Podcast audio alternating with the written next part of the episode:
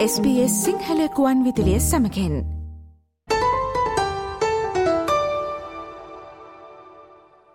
ඔස්ට්‍රලියාවේ ජීවත් වන කෙනෙක්ට රිය පැදවීමට හැකියාව තිබෙනව නම් තමන්ගේ වැඩ කටයුතු ඉතාම පහසුවෙන් සිදු කරගන්නට අවස්ථාව තිබෙනවා. තමන්ගේ අධ්‍යාපන කටයුතු සඳහා ඔස්ට්‍රලියාවට පැමිණෙන ජාත්‍යන්තර සිසුන්ටත් තමන්ගේ අධ්‍යාපන කටයුතු වගේම රැකියා කටයුතු ඉතාම පහසුවෙන් සිදු කරගන්නට පුද්ගලික වාහනයක් තිබීම වැදගත් වෙනවා. ඉතින් ඔස්ට්‍රලියාව තුළ රිය පැදවීමට නම් රියදුරු බලපත්‍රයක් තිබීම අත්‍යවශ්‍යම දෙයක්. අනික් හනේ තමයි ඔස්ට්‍රලියාව තුළ රියදුරු බලපත්‍රය බොහොවිට අපේ අනන්‍යතාවය ඉතාම පහසුවෙන් තහවුරු කළ හැකි ක්‍රම ක්‍රමයක් විදිරත් පාවිච්චි වෙනවා. බොහෝ විට ඕනෑම රැකියාවක් සඳහා ඔස්ට්‍රලියාව තුළ රියදුරු බලපත්‍රයක් තිබීම අවශ්‍යතාවයක් විදිරත් සඳහන් වෙනවා. ඉතින් මේ හින්දම ජාත්‍යන්තර සිසුන්ට තමන් පැමිණ සිටින ප්‍රාන්තයට හෝ ටෙට්ටරයට අදාළව රියදුරු බලපත්‍රයක් තිබීම ඉතාම වැදගත්. එහින්දම අලුතින් ඔස්ට්‍රලියාවට සංක්‍රමණය වෙන සංක්‍රමණිකයන්ට ඒ වගේම විශේෂයෙන්ම ජාත්‍යන්තර සිසුන්ටත් රියදුරු බලපත්‍රය ගැන ඔවුන් දැන සිටිය යුතු වැදගත් කරුණු කාරණා සම්බන්ධව සාකච්ඡාවක් ගෙනෙන්නට අද දවසේ SBS සිංහල ගුවන් විදුලියෙන් අපි සූදානමින් ඉන්නවා. ඉතින් ඒ සඳහා අද දවසේ අප සමග සම්බන්ධ වන්නේ මෙල්බර්න්හි සිටින රියදුරු පුහුණු උපදේශකයෙකු ලෙස අත්දැකීම් බහුල අමිල කග්ගඩාච්චි. අයිබෝන් කළ පිළිගන්නවා අමිල ඔබව SBS සිංහල ගුවන් විදුලියට. අයිබෝන් අතිනි ඔව් අමිල මම මුලින්ම අවධානය යොමු කරන්න කැමති මේ ජාතන්තර ශිෂ්‍යයෙක් ඕස්ට්‍රලියාවට පැමිණ සිටිනවා නම් ඔවුන්ට රියත් පැදවීමට තිබිය යුතු සුදුසුකම් මොනවද? මේකට මම පොයින්ස් දෙක තුනක් තියෙනවා මම ඒක එකින් එක කියලා දෙන්නම්. පළවෙනි එක වැලිඩ් ඉන්ටර්නැෂනල් ලයිසන් එකක් තියෙන්න ඕන. ඒකෙන් අපි අදහස් කරන්නේ අපි දැන් මේ කතා කරන්නේ ශ්‍රී ලාංකේයන් නිසා ලංකාවේ ලයිසන් එක ගණන් ඒක එක්ස්පයර් වෙලා තියෙන විදිහක් නැහැ. ඒ වගේම මෙහි එලවන්න බැරි විදිහට ඩිස්කොලිෆයිඩ් වෙලා තියෙන විදිහක් නැහැ. ඒක පළවෙනි සහ වැදගත්ම කාරණේ. දෙවනියට බොහෝ ශ්‍රී ලාංකිකයන්ට ලයිසන් තියෙනවා. හැබැයි ඒගොල්ලන්ට අවශ්‍ය කාර් එකක් නම් එලවන්න ඒ ටයිප් එකේ ලයිසන් එකක් තියෙන්නත් ඕන. ඒ වගේම වික්ටෝරියා ගැන අපි කතා කරනවා නම් වික්ටෝරියා වල ඉන්ටර්නැෂනල් පර්මිට් එකෙන් හෝ ලංකාවේ ලර්න් පර්මිට් එකෙන් එලවන්න පුරුදු වෙන්නත් තහනම් ටයිප් කරන්නත් තහනම්. ඒක ඒ කියන්නේ අපි මේ අදහස් කරන්නේ ලංකාවේ ලයිසන් ඉෂුවින් ඔතොරිටි එකකින් ඉෂු කරපු සාමාන්‍ය ලයිසන් එක තියෙන්න ඕන ඕස්ට්‍රේලියාවේ ස්පෙෂලි වික්ටෝරියා වල එලවන්න ඕනේ නම්. තව මගේ අත්දැකීමෙන් දැකපු දෙයක් තමයි ලංකාවේ ගොඩක් කට්ටියගේ නම් දිගයිනේ. මේක ඇත්තටම පොඩි ප්‍රශ්නයක් තියෙනවා සමහර වෙලාවට. ඒගොල්ලන්ගේ પાස්පෝර්ට් වල තියෙන නම නෙවෙයි ලයිසන් එකේ තියෙන. ඉතින් එතකොට මේක ඕස්ට්‍රේලියානු නීති පද්ධතිය අනුව ඒගොල්ලන් මේක පුද්ගලයන් දෙන්නෙක් විදිහට සලකන්න පුළුවන්. ඕගොල්ලන්ට මේ වගේ ප්‍රශ්නයක් තියෙනවනම් ඒකට සපෝටිං ඩොකියුමන්ට්ස් අනිවාර්යෙන් ළඟ තබා ගන්න ඕන.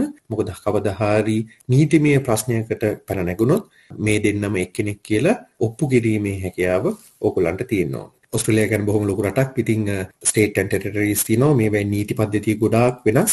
සමහර නීති සමහර ස්ටේට් ඇන්ඩ් ටෙරිටරිස් වල තියෙනවා ඉන්ටර්නැෂනල් ලයිසන් එකක් තියෙනවා නම් ඒකේ ඉංග්ලිෂ් ට්‍රාන්ස්ලේෂන් එකක් නැත්තම් ඒවා ළඟ තබා ගන්න ඕන එලවන්න ඕන නිකන් එක්සාම්පල් එකකට ගන්නවා නම් අපේ සමහර ශ්‍රී ලාංකිකයෝ ඇවිල්ලා ඉන්නවා ලංකාවේ ලයිසන් එක නැහැ හැබැයි වෙන රටවල ලයිසන් තියෙනවා. ඉතින් මේගොල්ලන්ට ඒ ඉෂු කරපු ලයිසන් එක තියෙන ඉංග්‍රීසියෙන් නෙමෙයි නම් ඒක අනිවාර්යෙන් ට්‍රාන්ස්ලේෂන් එකක් තියාගන්න ඕන.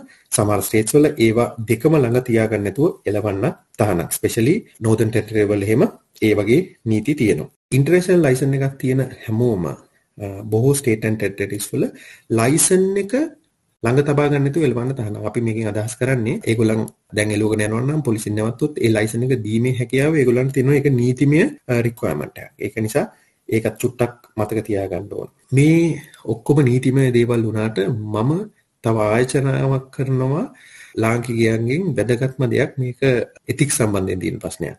ඕගොල්ලන්ට ලයිසන් එකක් තිබුණු පළියට එලවන්න ඇත්තටම බැරි නම් හැකියාව නැත්තම් අවුරුදු 10කට 15කට ඉහළිය ගත්ත ලයිසන් එකක් නම් පාරවල් වලට වාහන දාන්න කලින් තමාගේ ජීවිතයත් ඒ තව පාර යූස් කරන දහස් ගානක ජනතාවගේ ජීවිතත් ගැන සලකලා තමාට එලවන්න බැරි නම් පාරට යන්න එපා. ඒක ඕගොල්ලන් අලුතෙන් රටට ඇවිල්ලා ඉන්න පුළුවන්. ගොඩක් ඕගොල්ලන්ට යාළුවෝ සමහරලාට ඉන්න පුළුවන්. ඒගොල්ලන්ගේ උදව් ගන්න පුළුවන් වෙයි පාරට යන්න කලින්. එහෙම නැත්නම් පුරුදු කරන ඩ්‍රයිවිං ස්කූල්ස් තියෙනවා. ඒගොල්ලන්ගෙන් උදව් ගන්න පුළුවන්. එහෙම අරගෙන තමා පාරට පුරුදු වුණාම විතරක් යන්න ඒක බොහෝම වැදගත් කාරණාවක්. ඔව් අමිල මේ ඔස්ට්‍රේලියාවට පැමිණෙන ජාත්‍යන්තර සිසුන්ට තමන්ගේ විදේශීය රියදුරු බලපත්‍රය ඔස්ට්‍රේලියානු රියදුරු බලපත්‍රයක් බවට පරිවර්තනය කරන්නට නම් ඔවුන් කුමක් කළ යුතුද? ඔව් මේක අතිනි ස්ටේට් එකෙන් ස්ටේට් එකට ටෙරිටරියෙන් ටෙරිටරි එකට ගොඩාක් වෙනස් වෙන්න පුළුවන් නීති පද්ධතියක් තියෙන කාරණාවක්. හැබැයි ඉතින් අපේ ගොඩක් ශ්‍රී ලාංකිකයෝ එන්නේ නිව් සවුත් වේල්ස් වික්ටෝරියා ඒ වගේ පැතිවලට නිසා මම ඒව ගැන පොඩ්ඩක් වැඩි බර කරලා කතා කරන්නම්. ඕගොල්ලන් ඇවිල්ලා ඉන්නේ වෙන ස්ටේට් එකකට ටෙරිටරි එකට නම් බොහොම වැදගත් කාරණාවක් වෙනවා මේ ඔක්කොම කියන්න කලින් කියන්න ඕන. ආපු ගමන් පළවෙනි කාරණේ ඒ ලයිසින් ඉෂුවින් ඔතොරිටිස් වල වෙබ් අඩි වලට ගිහිල්ලා ඒවැ මොනවද අලුත්ම නීති පද්ධතිය කියලා දැනගෙන ඒවට කෙරෙන්න ඕනේවා පළවෙනි ඉඳලම ආපු දවසේ ඉඳලම කරන එක තමයි ගොඩක්ම නුනුට්ටු කාරණය ඒ වගේම වෙන්න ඕන කාරණේ. දැනට පියර නීති පද්ධතිය අනුව ඕගොල්ලන් ඇවිල්ලා වික්ටෝරියාව ගැන කතා කරනවා නම් මාස 6ක් ඇතුළත ලයිසන් එක චේන්ජ් කරන්න ඕන. ඒ කියන්නේ වික්ටෝරියල් ලයිසන් එකට චේන්ජ් කරන්න ඕන. Northern Territory New South Wales ඒ වගේ ඒවා ඊටත් අඩු කාල පරසයක් තියෙන මාස 3යි අනිත් සමහර ස්ටේට්ස් ඇන්ඩ් ටෙරිටරිස් වල තියෙනවා. තමාගේ වීසා කන්ඩිෂන් ගන්නවා. සමහර එකෙන් පර්මනන්ට් රෙසිඩන්ස් තියෙනවා නම් අනිවාර්යෙන් කරන්න ඕන සර්න් කාලයක් ඇතුළත. ඒ වගේ දේවල් තියෙනවා. Uh, මම කිව්වා වගේ ඒවා ඔක්කොම වෙබ් අඩවල බොහොම ක්ලීර්ලි ලියලා තියෙනවා. ඒවා පොඩ්ඩක් පළවෙනියෙන්ම චෙක් කරන්න. තමාගේ වයස අනුව සහ තමාට තියෙන ලයිසන් ටයිප් එක අනුව. දැන් අපි මේ කතා කරන්නේ ශ්‍රී ලාංකිකයන්ට තමයි. ඔව් සමහර කට්ටිය ශ්‍රී ලාංකිකයෝ වුණාට ලයිසන් තියෙන්නේ වෙන රටවල් වල වෙන්න පුළුවන්. එතකොට සමහරලාට ඕගොල්ලන්ට ඇත්තටම ලයිසන් එක චේන්ජ් කරන්න උවමනාවක් නැති වෙන්නම පුළුවන් වික්ටෝරියාවට ඔටෝ ටෙස්ට් එකක් කරන්න නැතුවම. ඒ ටෙස්ට් එකේ මොනවද කියලා මම දැන් ඉදිරියට කතා කරනවා.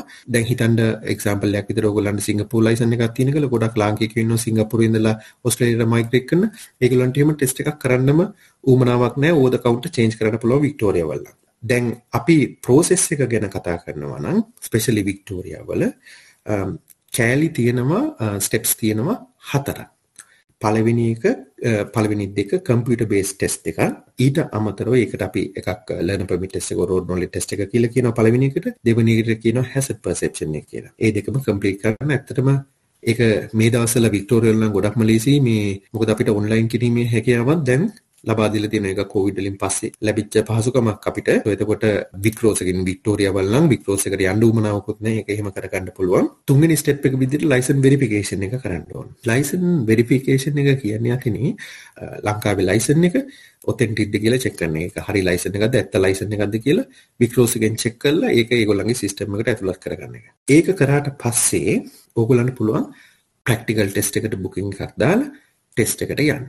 ඒක පාස් වුණාට පස්සේ ඕගොල්ලන්ගේ එක එක නීතිමය වයස් සීමාව අනුව අනිත් නීතිමය කටයුතු අනුව ඔයගොල්ලන්ට එක්ක ෆුල් ලයිසන් එකක් හම්බ වෙනවා. එහෙම නැත්නම් ප්‍රොබේෂන් ලයිසන් එකක් හම්බ වෙනවා. මම පොඩ්ඩක් ඒක පොඩ්ඩක් එක්ස්ප්ලেইন කරලා දෙනවා නම් ස්පෙෂලි ශ්‍රී ලාංකිකයන්ට ලංකාවේ ලයිසන් එක අවුරුදු 3කට වඩා පරණ නම් අවුරුදු 22කට වැඩි නම් ඒ ළමයි යන්නේ ෆුල් ලයිසන් එකකට.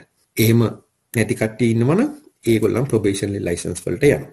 ඕක තමයි ඉන් ජෙනරල් ලයිසන් කන්වර්ෂන් ප්‍රෝසෙස් එක. අතින් තවත් වැදගත් කාරණාවක් තියෙනවා. මේ අවුරුදු 12කට වැඩි කාලයක් මම දැන් මේ ශාස්ත්‍රයේ වැඩ කරලා තියෙනවා. මම දැකලා තියෙනවා ළමයි ඉන්ටර්නැෂනල් ස්ටුඩන්ට්ස් අන්තිම මොහොත වෙනකල් ඉන්නවා මේ ලයිසන් කන්වර්ෂන් ප්‍රෝසෙස් එක පටන් ගන්න. සමහර වෙලාවට ස්පෙෂලි වික්ටෝරියා වල ඔය ලයිසන් වෙරිෆිකේෂන් අපොයින්ට්මන්ට් එකක් ගන්න වෙරිෆිකේෂන් අපොයින්ට්මන්ට් එකක් ගන්න මාස දෙකක් විතර ඉන්න වෙලාවක් තියෙනවා.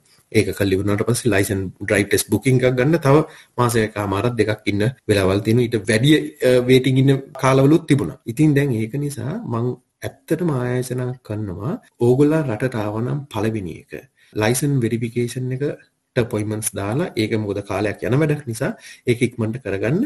එතකොට හිතන්න ඕගොල්ලන්ගේ ලයිසන් එක නැති වුණා කියලා ඒ ලයිසන් එක නැති වුණත් ඕල්රෙඩි ලයිසන් එක රෙකග්නයිස් කරලා සිස්ටම් එකට දාලා තියෙන්නේ. එතකොට ලයිසන් එක නැති වුණත් ඕගොල්ලන්ට කන්වර්ෂන් ප්‍රොසෙස් එකට යන්න පුළුවන්.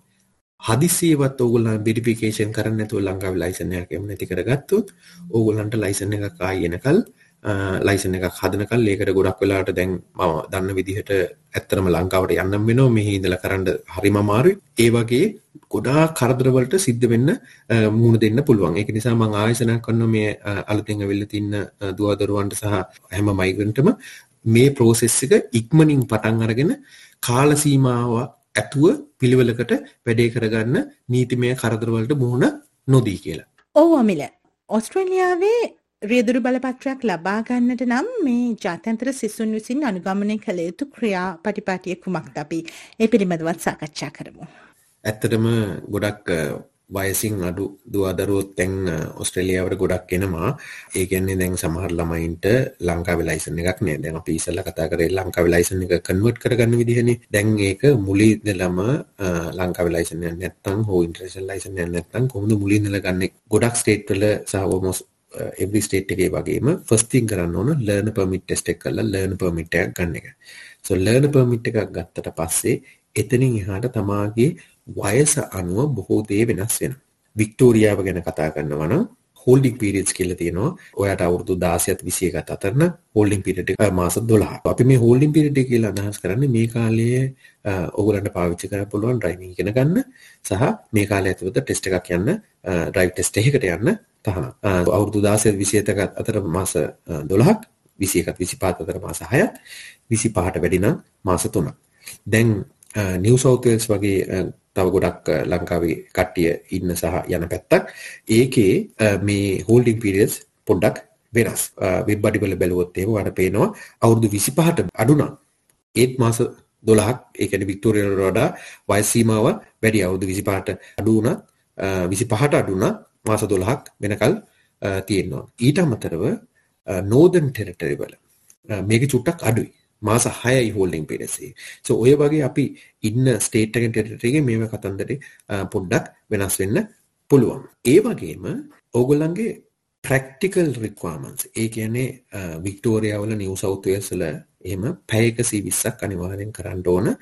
ඊට අමතරව 120ට නයිට් ඩ්‍රයිවිනුත් 20ක් කරන්න ඕන. ඔය වගේ ප්‍රැක්ටිකල් රික්වයර්මන්ට්ස් තියෙන. ඒ වගේ ඒකෙත් ලීගල් රික්වයර්මන්ට්ස් තියෙනවා. දැන් නිව් සවුත් වේල්ස් වල එහෙම ලර්නර් පර්මිට් හෝල්ඩර් කෙනෙක්ට පැයට කිලෝමීටර් 90ට වඩා එලවන්න තරම් ඒ වගේ ලීගල් රික්වයර්මන්ට්ස් තියෙන ඒවත් ලර්න් පර්මිට් එකේ ගත්ත ගමන්ම ඕගොල්ලෝ හොයලා බලන්න ඕගොල්ලන්ට මොනවද කරන්න පුළුවන් කරන්න බැරි කියන. වික්ටෝරියා බලලා ඊට පස්සේ හැසඩ් පර්සෙප්ෂන් එක කියන එක කරන්න ඕන. හැසඩ් පර්සෙප්ෂන් එක කරලා ඒක පාස් වුණාට පස්සේ ඕගොල්ලන්ට ඩ්‍රයිව් ටෙස්ට් එකකට යන්න පුළුවන්. now ඩ්‍රයිව් ටෙස්ට් එකට යන්න පුළුවන් වයසත් ස්ටේට් එකින් ස්ටේට් එකට වෙනස් වෙනවා. එක්සාම්පල් එකකට කියනවා නම් වික්ටෝරියා වල අවුරුදු 18ක් යනකල් ඩ්‍රයිව් ටෙස්ට් එකකට යන්න බෑ. හැබැයි ගොඩක් ස්ටේට්ස් වල අවුරුදු 17න් යන්න පුළුවන් ඉන්ක්ලූඩින් නිව් සවුත් වෙල්ස්. අවුරුදු 16 බාරි නෝ 16 මාස 6කනොත් යන්න පුළුවන් ස්ටේට්ස් තියෙනවා. නෝදර්න් ටෙරිටරි වල එහෙම යන්න පුළුවන්. ඕගොල්ලෝගේ ඒ වගේ ඒවා නම් ඉන්නේ වෙබ් අඩිවල බලලා ඒවැ හරිනේ කාරණා කාරණා හොයාගන්න. ඒක කළා ඉවරනාට පස්සේ ඩ්‍රයිව් ටෙස්ට් එකට ගිහිල්ලා විභාගේ පාස් වුණාට පස්සේ ඕගොල්ලන්ට P ප්ලේට්ස් හම්බ වෙනවා. ඊට පස්සේ ඕගොල්ලන්ට ඒකෙන් තනියෙන් එලවන්න පුළුවන්. ඔව්. ඔස්ට්‍රේලියාවේ අත්‍යවශ්‍ය වන රියදුරු බලපත්‍රය සම්බන්ධයෙන් ජාත්‍යන්තර සිසුන් දැන සිටිය යුතු අත්‍යවශ්‍ය කාරණා තමයි SBS සිංහල ගුවන්විදුලියෙන් අපි අද දවසේ ඔබ වෙත ගෙනාවේ. ඒ සඳහා දවසේ අප සමග සම්බන්ධ වුණේ මෙල්බන් හි සිටින රියදුරු පුහුණු උපදේශකයෙකු ලෙස කටයුතු කරන අමිල කක්ගොඩාච්චි. ඉතින් අමිල ඔබට බෙහෙවින්ම ස්තුතිවන්ත වෙනවා මේ වැදගත් කරුණු කාරණා අපේ ඔස්ට්‍රේලියාවට පැමිණීම සිටින ජාත්‍යන්තර සිසුන්ට ඒ වගේම ඔස්ට්‍රේලියාවේදී තමන්ගේ රියදුරු බලපත්‍රයක් ලබා ගැනීමට බලාපොරොත්තු වෙන අපේ ශ්‍රී ලාංකේය ප්‍රජාව දැනුවත් කිරීම සම්බන්ධයෙන්. බොහෝම ස්තුතියි SBS සිංහල ගුවන් විදුලි නාලිකාවට මට මේ අවස්ථාව ලබා දුන්නට.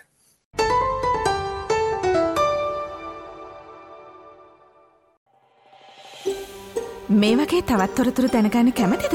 එහෙමනම් Apple podcast Google podcast Spotify ඔබගේ පොඩ්කාස්ට ලබාගන්න ඕනෑම මාතයකින් අපට සවන්දය හැකේ.